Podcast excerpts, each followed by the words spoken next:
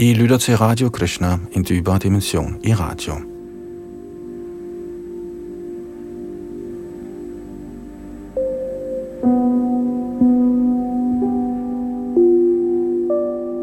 Vi er i vores gennemgang af Shrimad Bhagavat i gang med 10. bogs 3. kapitel.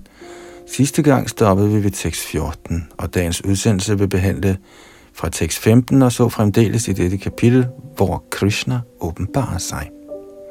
10. bog omhandler Krishna og er kulminationen af Srimad Bhagavatam, og i virkeligheden tiltænkt de allermest ophøjede sjæle. Så kunne man jo spørge, hvordan det kan være, at vi nu udpersonerer det her for fuld udblæsning i offentligheden. Men heldigvis har vi Shalita Prabhupads kommentarer til disse her vers, som gør, at de næppe kan misforstås. Og netop her, hvor vi fortsætter i dag, altså ved tekst 15, hører vi Vasudev bede sine bønder til Krishna, som lige har åbenbaret sig. Her bag mikrofon og teknik sidder Yadunandan Das.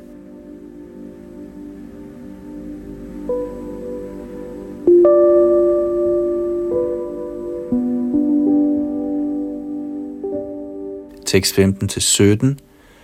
Yate me vikrita bhavas tatha te vikrita isaha Nana virya prathag bhuta virajang janayanti sannipatya samutpadya drishyante nugata iva. Prageva vidyamana tvana teshamiha sambhavaha Evang bhavan bhujjanumina lakshanair grahyair gunai sannapitad gunagraha. Anavaratatvad bahirantarang nate saravasya saravatmana atmavastunaha Mahatattva, den samlede materielle energi, er uddelt, men ved den materielle naturs fremtrædelsesformer ser den ud til at dele sig i jord, vand, ild, luft og æder. På grund af den levende kraft, Jivabhut, samler disse energier sig for at bringe kosmos til manifestation. Men i virkeligheden er den totale materielle energi allerede til stede før skabelsen af kosmos. Derfor trænger den samlede materielle energi egentlig aldrig ind i skabelsen. Og selvom du ligeledes bliver opfattet med vores sanser på grund af din tilstedeværelse, kan du hverken opfattes med sanserne eller erfares gennem sind eller ord. Avang, mana, så gå til dig. Med sanserne kan vi kun opfatte bestemte ting, men ikke alting. Vi kan for eksempel se med øjnene, men ikke smage. Følgelig er du hinsides sansernes opfattelsesevne. Selvom du er i berøring med den materielle naturs fremtrædelsesformer, er du uanfægtet af dem. Du er altings hovedfaktor, den allesteds nærværende, udelte oversjæl. For dig er der således intet indre eller ydre. Du trådte aldrig ind i Devakis livmoder, snarere var du der allerede.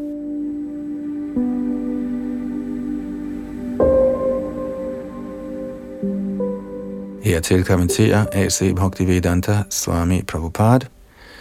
Samme forståelse bliver forklaret herren selv i Bhagavad Gita. Maya tatamidang saravang jagadabhyaktamurtina matsthani sarvabhutani nachahang deshvavastitaha. Jeg gennemtrænger hele kosmos i mit ikke-manifesterede aspekt. Alle skabninger er i mig, men jeg er ikke i dem.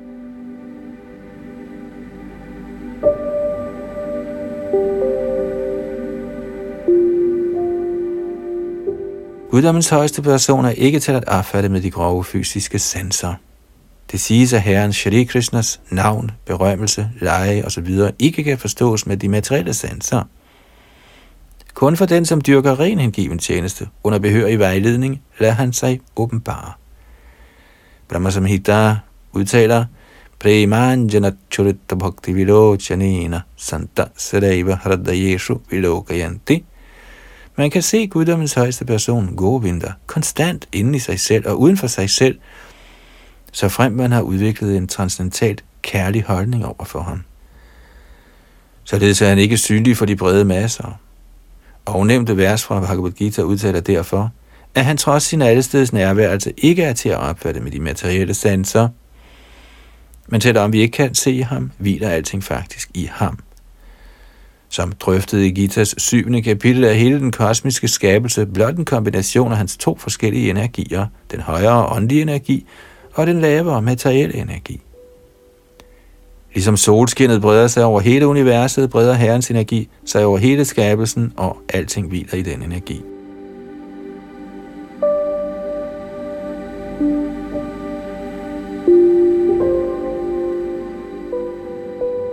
Alligevel skal man ikke slutte, at han mister sin personlige eksistens, blot fordi han er spredt over det hele. For at gendrive sådanne argumenter, siger Herren, jeg er over det hele, og alt er i mig, men alligevel er jeg hævet over alting. For eksempel leder kongen en regering, der kun er udtryk for kongens energi. De forskellige regeringsdepartementer er intet andet end kongens energier, og hvert departement hviler på kongens magt. Men alligevel kan man ikke forvente, at kongen er personligt til stede i hvert enkelt departement. Det er et groft eksempel. Ligeledes hviler alle synlige manifestationer og alting, som er til i både den materielle og åndelige verden, på guddommens højeste persons energi. Skabelsen finder sted gennem udbredelsen af hans forskellige energier, og, som Bhagavad Gita udtaler, er han allesteds nærværende ved sin personlige repræsentation, udbredelsen af hans forskellige energier.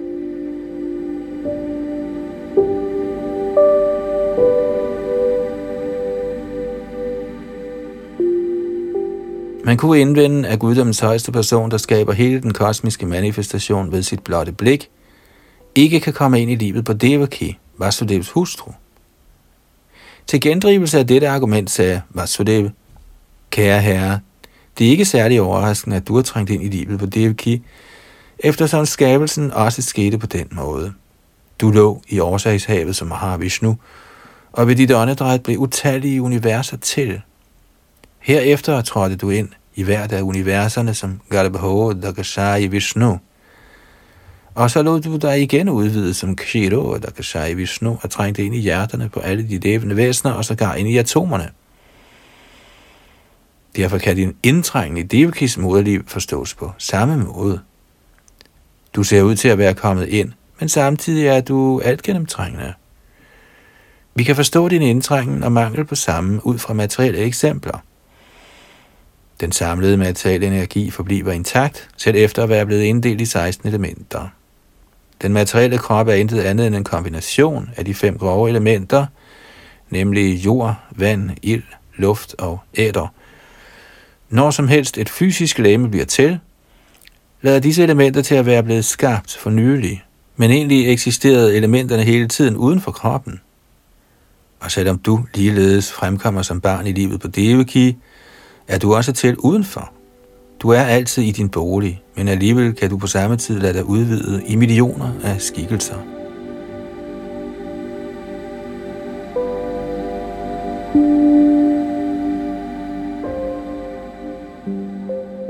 Man må forstå din fremkomst med stor intelligens, fordi den materielle energi også kommer fra dig. Du er den materielle energis oprindelige kilde, ligesom solen er kilden til solskinnet. Solskinnet kan ikke dække solkloden, og heller kan den materielle energi, der er en udstrømning fra dig, tildække dig. Du ser ud til at befinde dig inden for den materielle energis tre kvaliteter, men i virkeligheden kan den materielle naturs tre fremtrædelsesformer ikke tildække dig. De højt begavede filosofer forstår dette. Med andre ord, selvom du ser ud til at befinde dig inden i den materielle energi, er du aldrig dækket af den, slutter Vasudeva.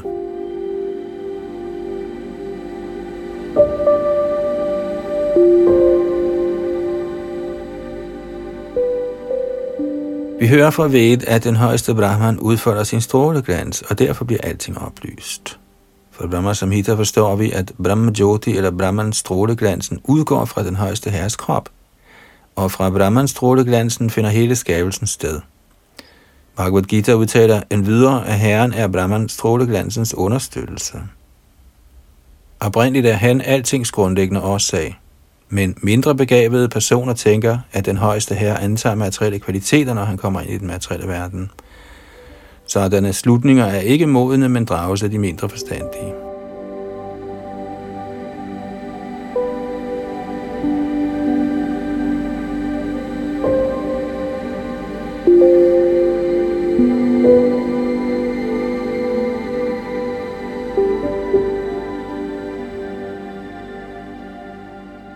Tekst 18. Je atmano drasya ganesha sanniti vyavasyate sva vyatireka to buddha. Vinano vadang nachatan manishitang samyagyatas chaktam upadadat puman. Den, som opfatter sin synlige krop, der er en følge af naturens tre fremtrædelsesformer, som uafhængig af sjælen, er ubekendt med tilværelsens grundlag og er således en slynge. De, som er lærte, har afvist denne konklusion, fordi man ved gennemgribende drøftelse kan forstå, at den synlige krop med den sanser ville være uden substans, hvis ikke den havde sin basis i sjælen. Men ikke desto mindre vil den tåbelige, selvom denne slutning er blevet afvist, opfatte den som virkelighed. Kommentar Uden det grundlæggende princip, sjælen, kan kroppen ikke blive til. Såkaldte forskere har på mange måder forsøgt at skabe en levende krop i deres kemiske laboratorier, men ingen er lykkedes, fordi med mindre den åndelige sjæl er til stede, kan en krop ikke opstå af materielle elementer. Siden forskerne nu er forgabet i teorier om kroppens kemiske sammensætning, har vi udfordret mange forskere til at skabe selv blot et lille æg. Kemikalierne i et æg kan fremskaffes meget let. Der er en hvid og en gul substans, dækket af en skal, og moderne forskere burde med lethed kunne kopiere dette. Men selvom de lykkedes med at lave et sådan æg og kom det i en rugemaskine, ville dette menneskeskabte æg ikke skabe en kylling. Sjælen må tilføjes, fordi der umuligt kan være tale om nogen kemisk kombination til frembringelse af livet. De, som tror, at livet kan eksistere uden sjælen, er derfor blevet beskrevet som abuddha, tåbelige slyngler.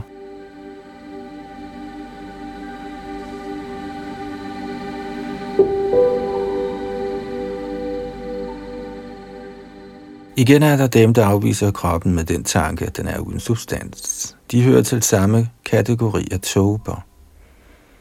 Man kan hverken afvise kroppen eller opfatte den som substantiel. Substansen er Guddoms højeste person, og både kroppen og sjælen er den højeste Guds energier, ligesom Herren selv beskriver i Bhagavad Gita 7. kapitel tekst 4-5. Mohumira bonalo vayu kangamano buddhirivacha Ahankara iti yangame hinna prakritir ashtadha apareyam prakrit prakritinga vidhimi param Jiva bhutanga mahabaho yayedang dharyate jagat. Citat. Jord, vand, ild, luft, æder, sind, intelligens og falsk ego. Tilsammen udgør disse otte mine adskilte materielle energier.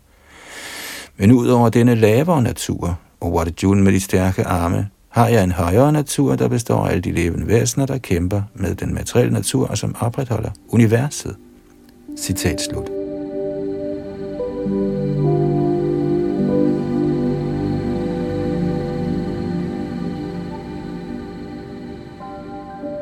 Således har kroppen et forhold til guddommens højeste person, ligesom også sjælen.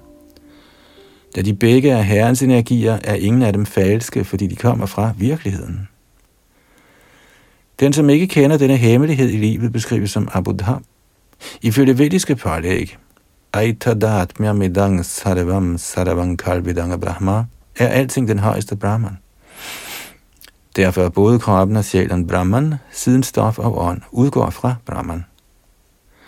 Ubekendt med vedernes konklusioner opfatter nogle folk den materielle natur som substans, og andre accepterer den åndelige sjæl som substans, men egentlig er det Brahman, som er substansen. Brahman er alle årsagers årsag. Ingredienserne og den endelige årsag til den synlige fysiske verden er Brahman, og vi kan ikke gøre denne verdens ingredienser uafhængige af Brahman. Endvidere, siden ingredienserne og den umiddelbare årsag til den materielle manifestation er Brahman, er de begge sande, Satya. Udtrykket Brahma Satyang Jagannamitya har ingen gyldighed. Verden er ikke falsk.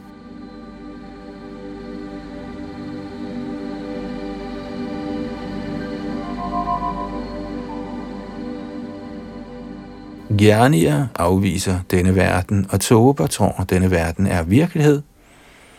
Og således er de begge vildledt. Selvom kroppen ikke er lige så vigtig som sjælen, kan vi ikke hævde, at den er falsk. Og dog er kroppen midlertidig, og kun tåbelige materialistiske personer, der mangler komplet viden om sjælen, ser den midlertidige krop som virkelig og bliver optaget af at dekorere kroppen. Begge disse faldgrupper, afvisning af kroppen som falsk og accept af kroppen som alt i alt, kan undgås, når man befinder sig fuldstændig i Krishna-bevidsthed. Ser vi verden som falsk, falder vi i kategorien af asuraer, der hævder, at denne verden er uvirkelig og uden grundlag, eller herskende Gud. Asatyam apratishtangate jagadahuraneshwaram, som Bhagavad Gita 16. kapitel udtaler, er dette dæmonernes konklusion.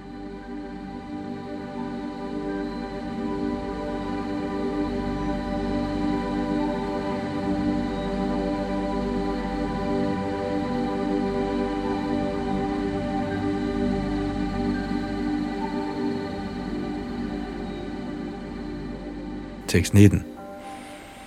Tadosya janmasthiti sangyamana vibho padanjani had anugada vikriyat Tvayeshwari brahmanino virudhyati tvadashriyatvadupacharyati gunaihi O Herre, de lærte slutter, at hele den kosmiske skabelse, opretholdelse og udslettelse sker ved dig, som er fri for anstrengelse, uanfægtet af naturens kvaliteter – og uændret i din åndelige stilling. Der er ingen modsigelser i dig, som er guddommens højeste person, Pada Brahman. Eftersom den materielle naturs tre kvaliteter, sattva, rajas og tamas, er under din kontrol, finder alting sted automatisk. Kommentar Ved udtaler, Natasya karyang karanang chabidyat Tena tatsamashchavyadikascha drashyate. Parasya shaktir vividhaiva shruyate svabhaviki jnana bhakriya cha. Citat. Den højeste herre har ingen pligter, og ingen er ham hverken jævnbyrdig eller overlegen, da alt sker naturligt og systematisk ved hans mangeartede energier. Citat slut. Shvedashvatar Upanishad 6.8 Skabelse, opretholdelse og udslettelse bliver alle sammen personligt varetaget af Guddoms højeste person, hvilket bliver bekræftet i Bhagavad Gita. Mayadhyakshena prakriti suyate sacharacharam. Og alligevel har Herren i sidste ende ikke nødig at foretage sig noget som helst. Og derfor er han nirvikar, uforanderlig. Fordi alting sker under hans vejledning, kaldes han for Srishtikarta, skabelsens mester. Ligeledes er han udslettelsens mester. Når mester sidder på et sted, mens hans svende varetager forskellige pligter, er svendenes gøren og laden i sidste ende mesters arbejde, selvom han selv intet gør. Natasya Garyang Karanang Chabidyate. Herrens energi er så talrige, at alting sker på nydeligste vis. Derfor er han naturligt stille og ikke den, der direkte gør noget i denne materielle verden.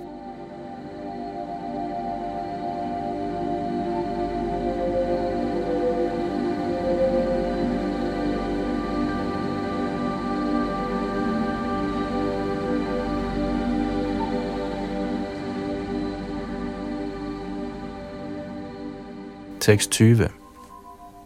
Satvang tilokastitaye sumayaya vibharishi sukram karau varnamatmanaha Saragaya raktam rajasupabringhitang krishnang chavaranang tamasa janatyaye Min herre, din form er transcendental til de tre materielle fremtrædelsesformer, men til opretholdelse af de tre verdener antager du Vishnus hvide farve i godhed, til skabelsen, der er omgivet af lidenskabens kvalitet, forekommer du rødlig, og til sidst, når der er brug for tilindtegørelse, der er omgivet af uvidenhed, forekommer du sort.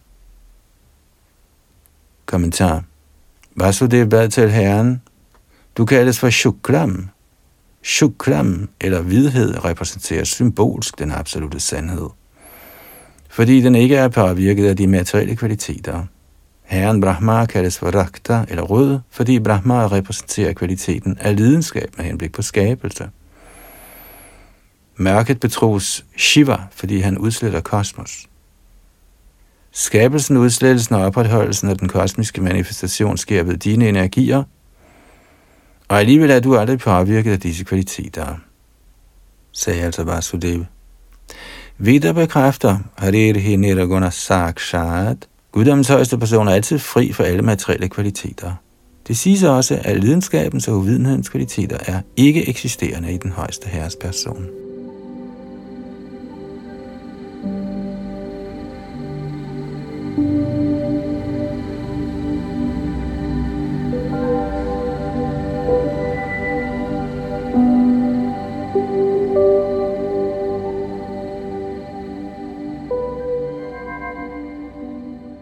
Dette vers skal de tre omtalte farver, Shukla, Rakta og Krishna, ikke opfattes bogstaveligt ligesom det, vi oplever med vores sanser, men snarere som repræsenterende Sattvagun, Rajogun og Damagun. Trods alt ser vi under tiden, at den and er hvid, selvom den befinder sig i Damagun, i uvidenhedens kvalitet. Til belysning af den logik, man kalder for Bhagavanda Nyaya, er anden så tåbelig, at den følger efter testiklerne på en tyr i den tro, at de er hængende fisk. Den kan snuppe, når de falder ned. Således er anden altid i mørke. Modsat er Bjars Steve, eller Veda-litteraturens kompilator, sort, hvad dog ikke betyder, at han er i dommergune. Snarere befinder han sig på det højeste niveau af sattvagune over naturens kvaliteter. Samtidig bliver disse farver, altså Shukla Raktas brugt til at betegne brahminer, katrier, vaishyaer og shudraer. Herren Kshirudaksha i Vishnu er berømt for sin mørke farve. Herren Shiva er hvidlig, og herren Brahma er rødlig. Men i Vaishnav Toshane Dika siger Shrila Sanatan Goswami, at denne fremvisning af farver ikke er det, der henvises til her.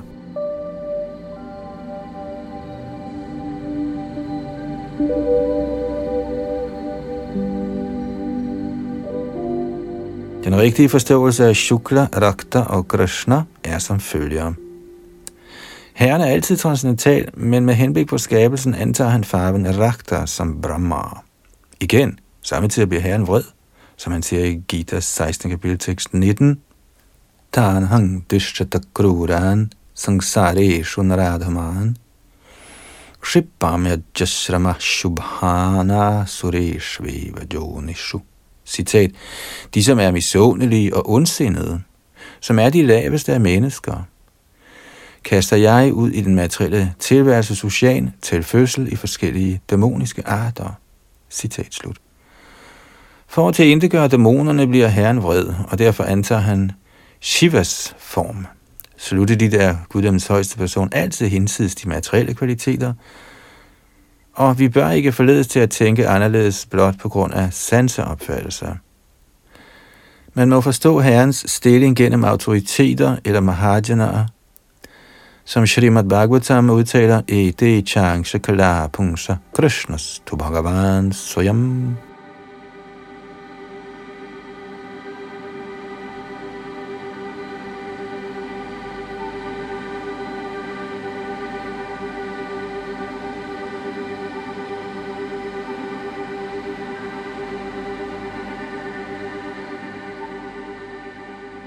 Tekst 21. Tvamasya lokasya vibhori rakshishur grihe vatiranosi simama khileshvara Rajanya sangya surakoti yutapair nirvyohamana nihanishyasi chamu O Herre, hele skabelsens ejer, du er nu kommet til mit hus med et ønske om at beskytte denne verden. Jeg er sikker på, at du vil til indegøre alle de herrer, der bevæger sig hen over jorden under vejledning af politikere, der klæder sig som kshatriya regenter, men som i virkeligheden er dæmoner. De må dræbes af dig med henblik på beskyttelse af den uskyldige befolkning. Kommentar Krishna fremkommer i denne verden med to formål. Paridranaya sadhunang vinashaya chadushkritam at beskytte herrens uskyldige religiøse hengivne og at udslette alle de uuddannede, ukultiverede asuraer, der unødvendigt gør, ligesom hunde, og strides med hinanden om politisk magt. Det siges, Kulikale Namarupe Krishnovatar. Hare Krishna-bevægelsen er også en inkarnation af Krishna i form af det hellige navn, Namaru Be en hver af os, der faktisk frygter de asuriske herskere og politikere, må byde denne Krishnas inkarnation velkommen. Hare Krishna, Hare Krishna, Krishna Krishna, Hare Hare, Hare Rama, Hare Rama, Rama Rama, Hare Hare. Der vil vi helt sikkert blive beskyttet imod de asuriske herskers plagerier. Nu om dagen er disse herskere så magtfulde, at de med ærlige eller uærlige midler tilrender sig regeringens højeste pastor og forfølger utallige mennesker under påskud af national sikkerhed eller en eller anden nødsituation. Og igen, den ene asura besejrer en anden asura, men befolkningens lidelse var ved. Derfor er hele verden i en vaklende tilstand, og det eneste håb er denne Hare Krishna-bevægelse. Herren Nrasinghadev fremkom, da Prahlad blev offer for sin asuriske fars overdrevne pinsler. På grund af sådanne asuriske fædre, det vil sige de herskende politikere, er det meget vanskeligt at bringe Hare Krishna-bevægelsen fremad. Men fordi Krishna nu har vist sig i sit hellige navn, gennem denne bevægelse kan vi håbe på, at disse asuriske fædre bliver tilindegjort, og at Guds rige bliver etableret over hele verden. Hele verden er nu fuld af talrige asuraer, forklædt som politikere, guruer, sadhuer, yogier og inkarnationer, og de afleder publikum fra Krishna bevidsthed, der kan være til sand gavn for menneskesamfundet.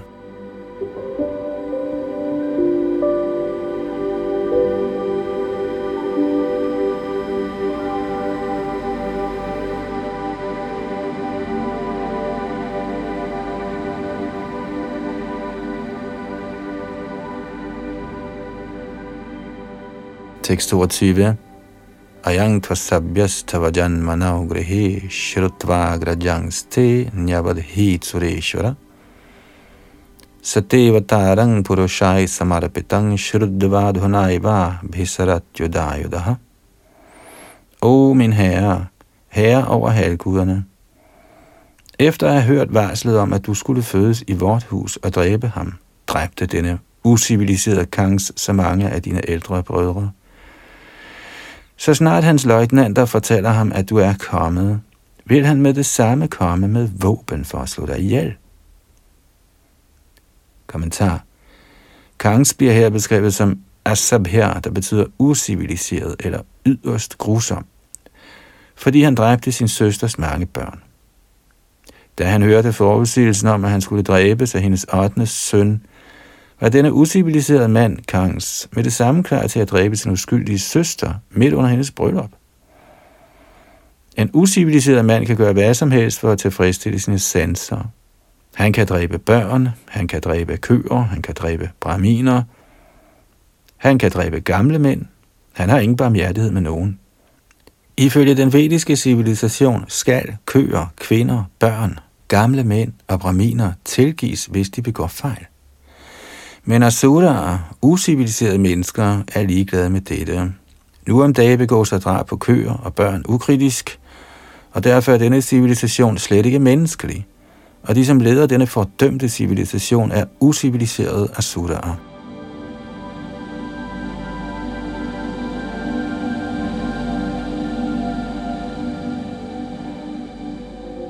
Sådanne usiviliserede mennesker er ikke stemt for bevægelsen for Krishna-bevidsthed. I skikkelse af offentlige ledere udtaler de uden tøven, at sangen Hare Krishna er en irritation, selvom Bhagavad Gita tydeligt udtaler Satatan Kirtayan Domang Yadantas Chadradhavrataha. Ifølge dette vers har Mahatmaerne pligt til at synge Hare Krishna mantra, og efter bedste evne forsøger at udbrede det over hele verden. Desværre er samfundet i en så usiviliseret tilstand, at man sågar finder såkaldte Mahatmaer, der er reddet til at dræbe dyr og børn og stoppe Hare Krishna-bevægelsen. Sådanne usiviliserede aktiviteter kom i virkeligheden til udtryk i modstanden mod Hare Krishna-bevægelsens afdeling i Bombay, Hare Krishna Land. Ligesom det ikke forventedes, at Kangs dræbte Devkis og Vasudevs smukke barn, kan det ligeledes heller ikke forventes, at det usiviliserede samfund, selvom det slet ikke bryder sig om, at Krishna-bevægelsen breder sig, vil få held til at stoppe den. Alligevel må vi stå over for mange vanskeligheder på mange forskellige måder. Selvom Krishna ikke kan slå til ihjel, skalvede Vasudev som Krishnas far, fordi han af kærlighed troede, at Kansa straks ville komme og slå hans søn ihjel. Ligeledes, selvom Krishna-bevægelsen og Krishna ikke er forskellige, og ingen asuraer kan stoppe den, frygter vi, at asuraerne hvert øjeblik kan stoppe bevægelsen i en hvilken som helst del af verden.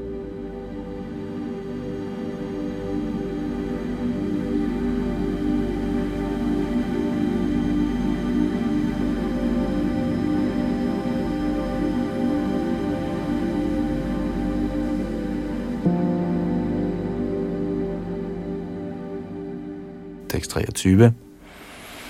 Shri Shuk Uvaja Athainam Atmajang Vikshya Mahapurusha Lakshanam Devaki Tamopadhavat Ganga Sadvahita Subismita Shukadev Goswami vedblev. Herefter, da hun havde konstateret, at hendes børn udviste et hvert symptom på guddommens højeste person, begyndte Devaki, der var meget bange for Kangs og ramt af usædvanlig forundring, at bede bønder til Herren. Kommentar Ordet Savismita, der betyder for bløffet, er af betydning i dette vers. Devaki og hendes ægtemand Vasudeva var overbevist om, at deres barn var guddommens højeste person, og som sådan ikke kunne dræbe sig Kangs. Men af kærlighed og med tanke på Kangs tidligere grusomheder var de samtidig bange for, at Krishna kunne blive dræbt. Det er derfor ordet Sovismita er blevet brugt.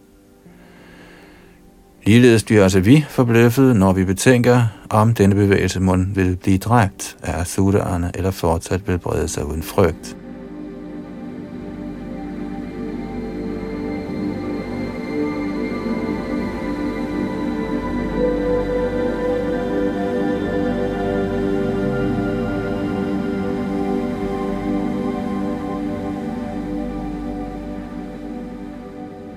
Tekst 24.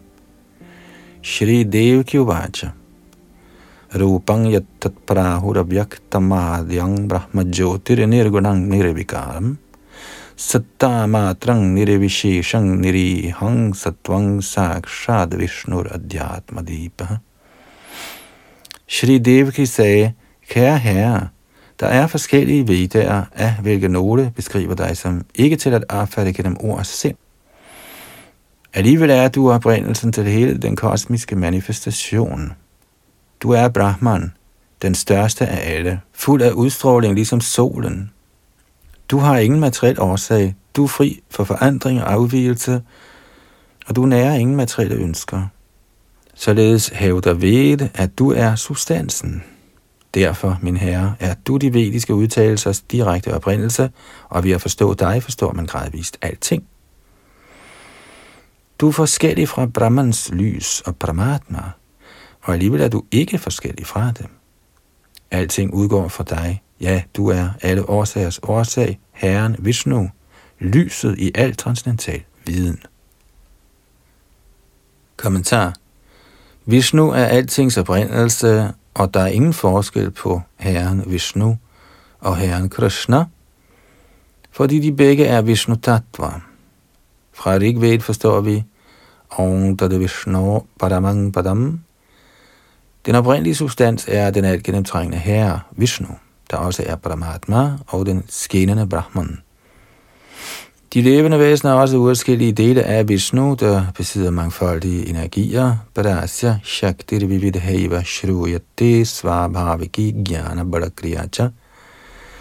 Vishnu eller Krishna er derfor alting, i Bhagavad Gita's 10. kapitel tekst 8 siger Herren Krishna, Ahang sarvasya prabhavo matta Saravang pravaratati. Jeg er kilden til alle åndelige og materielle verdener. Alting udstråler fra mig. Krishna er derfor altings oprindelige kilde. Sarva karana karanam. Når Vishnu udfolder sit alt gennemtrængende aspekt, skal vi forstå ham som værende Nirakara Nirvishesha Brahmajoti.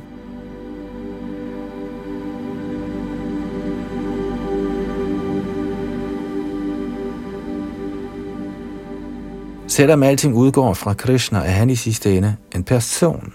Hamadirhidevanam, Han er oprindelsen til Brahma, Vishnu og Maheshwar. Og fra dem bliver mange andre halvguder bragt til manifestation. Krishna siger, at denne grund i Bhagavad Gita 14. kapitel, tekst 27, Brahmano hipratishthaham.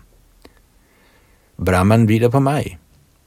Herren siger også, altså, pyanya devata bhakta yajante shraddhayanvitaha te pimam eva kunteya yajantya purvakam.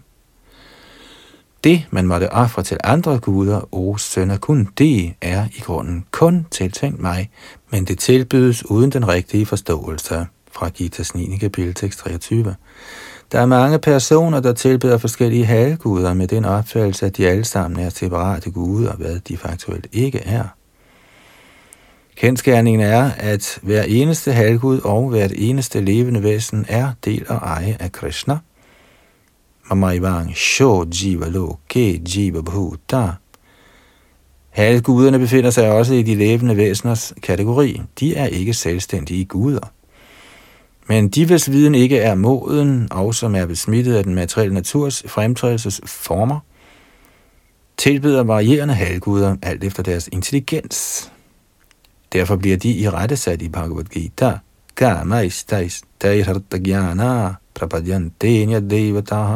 Fordi de er uforstandige, ikke særlig avancerede og ikke på fyldskørende vis har overvejet sandheden, tyr de til forskellige artede halvgude tilbedelse, eller også spekulerer de ifølge forskellige filosofier, såsom Mayavad-filosofien.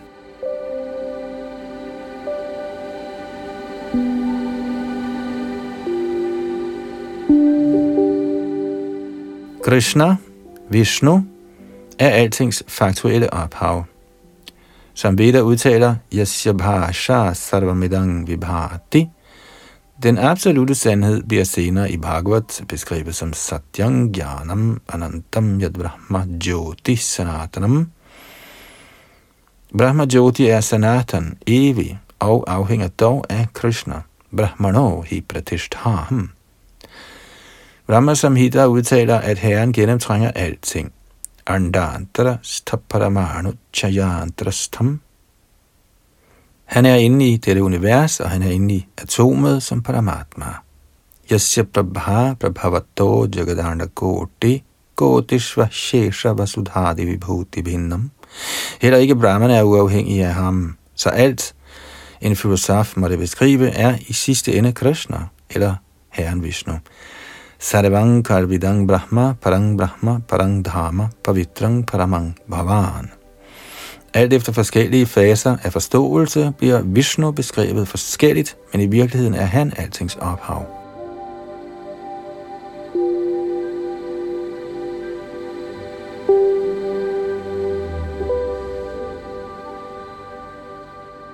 Fordi Devaki var en ublandet hengiven, kunne hun forstå, at selv samme herre Vishnu var kommet som hendes søn. Så efter Vasudevs bønder frembar Devaki sine bønder. Hun var meget bange på grund af sin brors grusomheder. Devaki sagde, Kære herre, dine evige skikkelser, såsom Ram, Shesh, Braha, Nrasingha, Vaman, Baldev og i millioner af lignende inkarnationer, der udstråler fra Vishnu, bliver i den vediske litteratur beskrevet som oprindelige.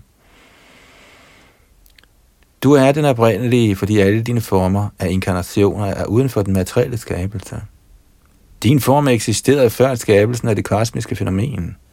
Dine former er evige og alt gennemtrængende. De er selvlysende, uforanderlige og ubesmittede af materielle kvaliteter. Sådanne evige former er evigt bevidste og fulde af lyksalighed. De befinder sig i transcendental godhed og er altid optaget af forskellige lege. Du er ikke begrænset til kun én bestemt form. Alle sådanne transcendentale evige skikkelser er selvforsynende.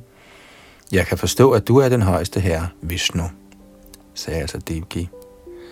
Således kan vi slutte, at Herren Vishnu er alting, selvom han også adskiller sig fra alting. Denne filosofi kendes som Achintya Bheda Bheda Tattva.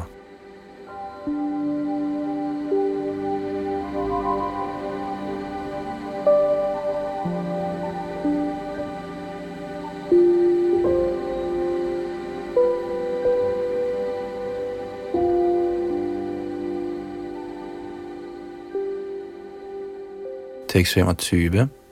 Nashte loke dviparadhavasane mahabhuteshvadi bhutam gateshu vyakti vyaktang kala vegena yate bhavaneka shishyate shesha sangyaha. Efter i millioner af år ved tiden for den kosmiske tilindegørelse, når alting, både manifesteret og ikke manifesteret, bliver udslettet ved tidens magt, træder de fem grove elementer ind i den subtile opfattelse, og de manifesterede kategorier træder ind i den ikke manifesterede substans. Til den tid står kun du tilbage, og du kendes som Ananta Shesh Nag. Kommentar Ved tiden for ødelæggelsen trænger de fem grove elementer, jord, vand, ild, luft og æder, ind i sindet, intelligensen og det falske ego, Hankar, og hele det kosmiske fænomen indtræder i guddommens højeste persons åndelige energi. Og selv forbliver han tilbage som altings ophav. Herren kendes derfor som Shesh Nag, som Adi Purush, samt ved mange andre navne.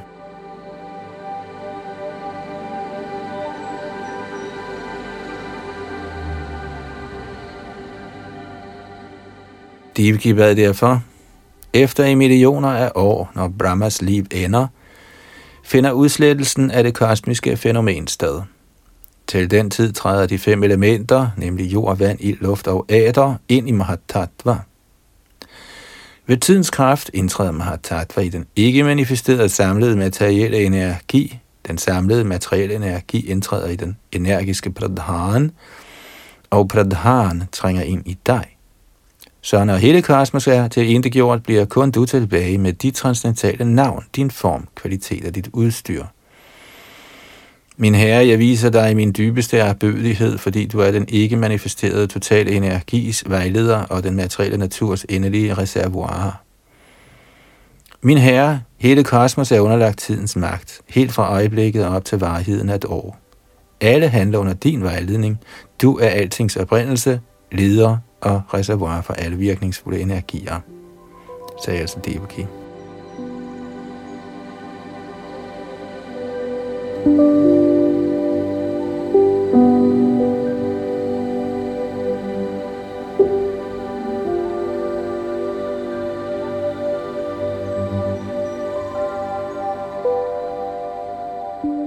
Tekst 26 यो यङ्कारस्तस्य ते व्यक्तबन्धो चेष्टामाहुश्चेष्टते येन विश्वम् निमेषादिर्वत्सरान्तो महीयांस्तangtveshanang kshemadhama prapadye.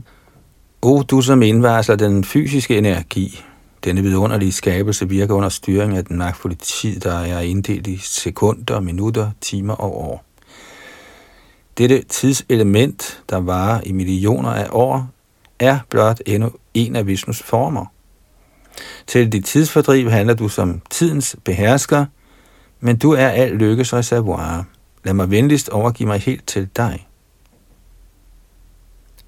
Kommentar Brahma Samhita 5.52 udtaler, Yachakshur esha savita sakalagrahanang raja samasta suramurti rashesha tejaha Yasya Gyanya Brahmati Sangvrittakara chakra Govindamadi Purushang Tamahang Vajami. Citat. Solen er alle planeternes konge og ejer uendelig kraft i form af varme og lys. Jeg tilbeder Govinda, den første herre, guddommens højeste person, under hvis styre selv solen, der regnes for herrens øje, drejer inden for den evige tids faste omløbsbane. Citat slut. Skønt vi nok ser den kosmiske manifestation som enorm og fantastisk, befinder den sig inden for begrænsningen af Kala, tidsfaktoren. Denne tidsfaktor bliver styret af guddommens højeste person, som bekræftet i Bhagavad Gita. Mayadhyakshena prakriti suyate sacharacharam. Prakriti, den kosmiske manifestation, er underlagt tidens styring. I sandhed er alting underlagt tidens kontrol, og tiden er underlagt guddommens højeste person. Derfor er den højeste her ingen frygt for tidens angreb. Tiden måles efter solens bevægelser. Savidar. Hvert minut, hvert sekund, hver dag, hver nat, hver måned og hvert år kan beregnes på baggrund af solens bevægelser. Men solen er ikke uafhængig, da den er underlagt tidens magt. Brahmati Sanghavarita Kala Chakra. Solen drejer inden for Kala Chakra, tidens omløbsbane. Solen er underlagt tidens kontrol, og tiden styres af guddommens højeste person. Derfor nærer Herren ingen frygt for tiden.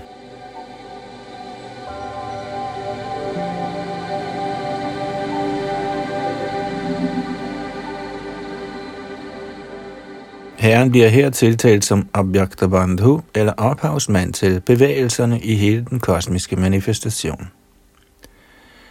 Under tiden bliver kosmos sammenlignet med en pottemagers drejeskive. Når skiven drejer, hvem har sat den i bevægelse? Det er naturligvis pottemageren, selvom vi nogle gange kun ser skivens rotation uden at se selve pottemageren. Derfor kaldes herren, der er bag kosmos bevægelse for Abhyakta Bandhu, Alting befinder sig inden for tidens afgrænsning, men tiden bevæger sig under vejledning af Herren, der af denne grund ikke er inden for tidens grænse.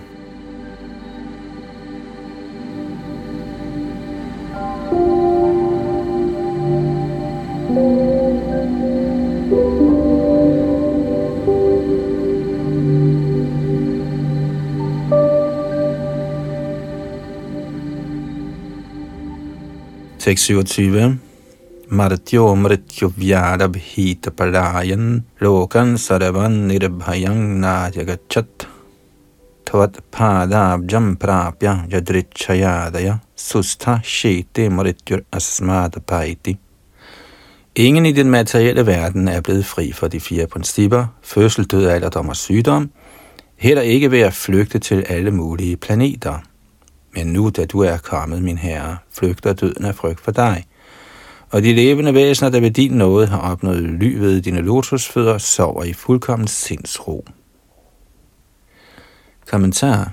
Der er forskellige kategorier af levende væsener, men alle frygter døden.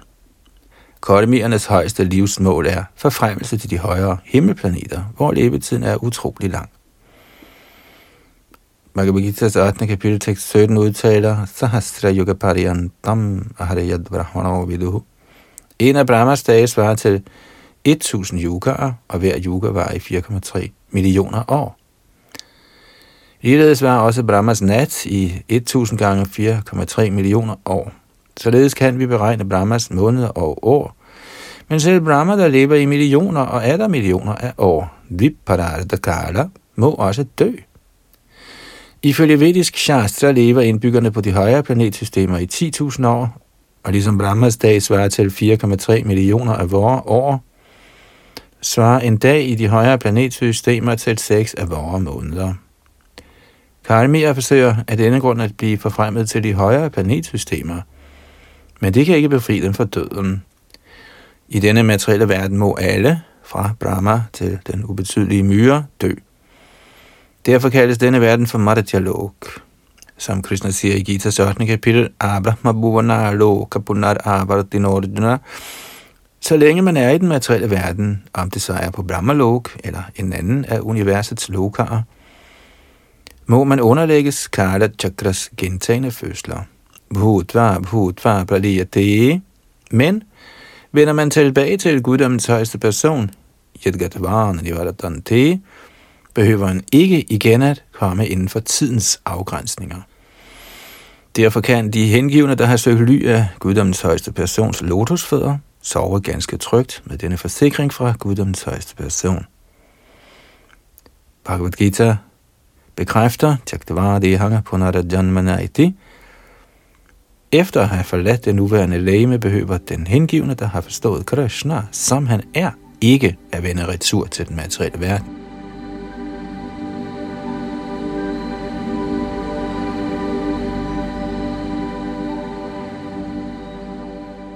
Det levende væsens naturlige stilling er evighed. Hanyate, hanyamane, sharire, nitya, shashvatoyam.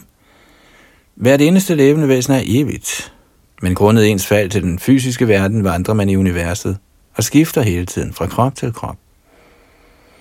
Chaitanya Mahaprabhu siger, Brahmanda Brahmite Kona Bhagyavan Jeev, Guru Krishna Prasade Pai Bhakti Lota En hver vandrer opad og nedad i universet, men den, som er tilstrækkeligt heldig, kommer ved den åndelige mesters barmhjertighed i kontakt med Krishna bevidsthed og slår ind på den hengivne tjenestes vej. Der er man sikret det evige liv, uden angst for døden. Når Krishna kommer, bliver alle befriet for dødsangst, og dog følte Devaki, vi er stadigvæk bange for Kang, selvom du er kommet som vores søn. Hun var mere eller mindre i vildrede omkring, hvorfor hun havde det sådan. Og hun bad herren om venligst at befri hende og var så det for denne angst.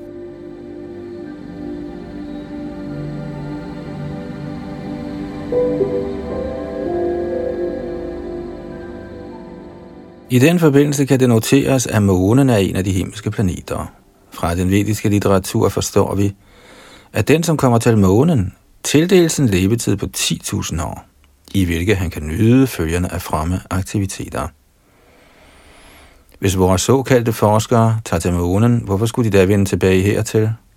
Vi må utvivlsomt slutte, at de aldrig er taget til månen. For at kunne komme til månen, må man være kvalificeret gennem fremme aktiviteter. Der kan man komme der og bo. Hvis man er taget til månen, hvorfor der vende retur til denne jord, hvor livet kun er ganske kort?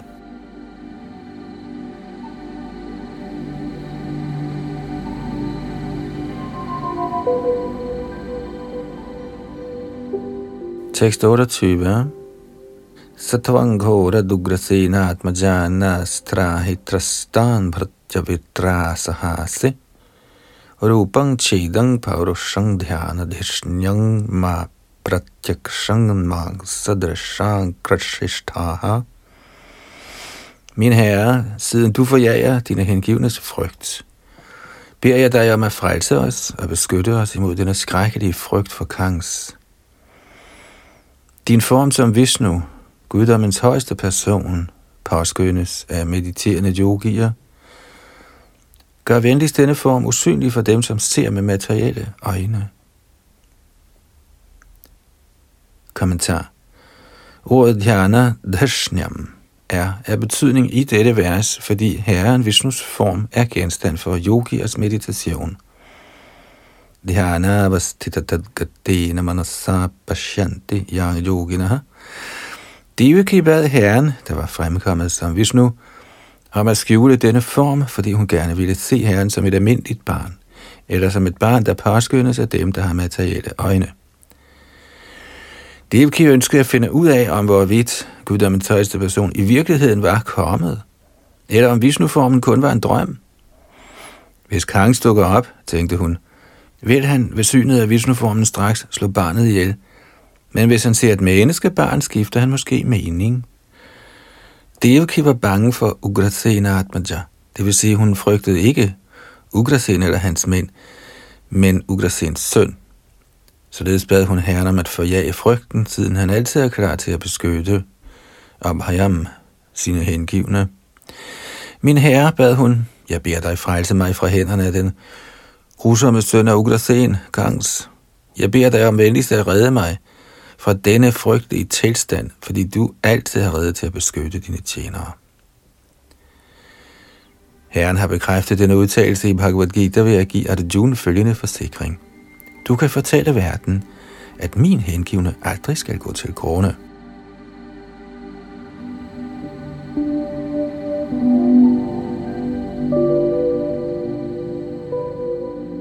Mens hun således bad herren om hjælp, gav Muradeva give udtryk for sin moderlige ømhed. Jeg forstår, at denne form generelt opfattes i meditation af store vismænd, men jeg er alligevel bange, for lige så snart Kangs for at vide, at du er kommet. Kunne han gøre dig fortræd? Således beder jeg dig om, at du forløbig gør dig usynlig for vores stoflige øjne.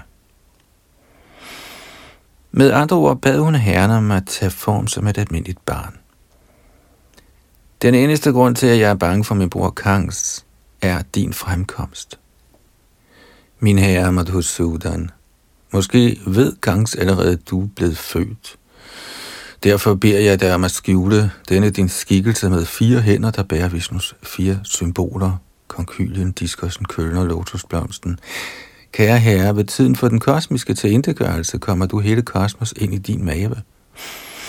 Alligevel er du ved din uforfalskede barmhjertighed fremkommet i mit moderliv. Jeg er overrasket over, at du efterligner almindelige menneskers aktiviteter, blot for at glæde din hengivne.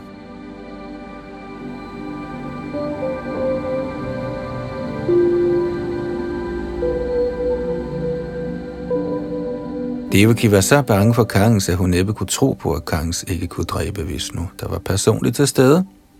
Så af måde i ømhed bad hun guddommens højeste person om at forsvinde. Selvom Kangs på grund af herrens forsvinden ville plage hende mere og mere i den tro, at hendes barn var gemt et eller andet sted, ønskede hun ikke, at det transcendentale barn skulle pines og dø. Derfor bad hun herren Vishnu om at forsvinde. Senere kunne hun, hvis hun blev udsat for pinsler, tænke på ham i sindet.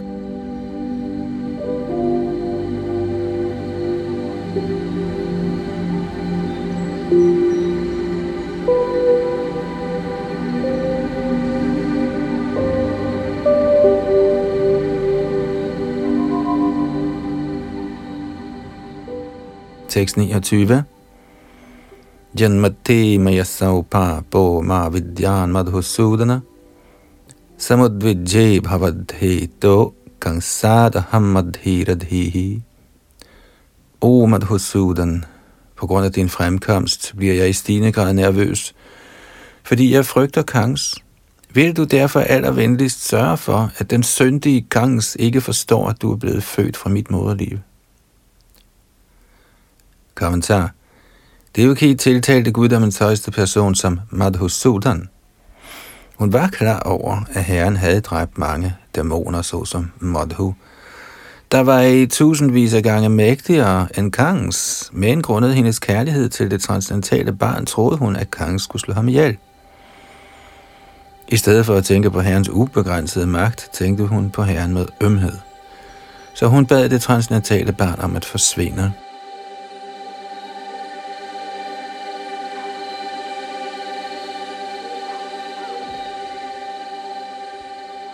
Tekst 30. Upasanghara Vishvatman Adorupamaraukikam Shankha Chakra Gada Padama Shriya Jushtanga Chaturbahujam O Herre, du er guddommens algennemtrækkende højeste person, og din transcendentale skikkelse med fire arme, der holder konkylien, diskursen, kølen og lotusen, er unaturlig for denne verden, så træk venligst denne form tilbage og bliv ligesom et naturligt menneskebarn, således at jeg kan gemme dig et eller andet sted. Kommentar. Devaki tænkte på at gemme guddommens højeste person, i stedet for at aflevere ham til gangs, ligesom hun havde gjort med sine tidligere børn. Selvom Vasudev nok havde lovet at aflevere hvert eneste af sine børn til gangs, ønskede han denne gang at bryde sit løfte og gemme barnet et andet sted. Men på grund af, at herren var kommet i denne overraskende form med fire arme, var han helt umulig at gemme.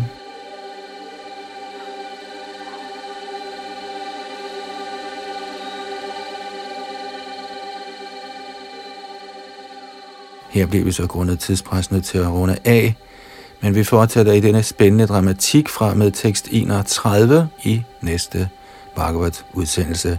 Det var Yadunandan Das bag mikrofon og teknik, og vi læste fra AC Bhaktivedanta Swami Prabhupads oversættelse og kommentar.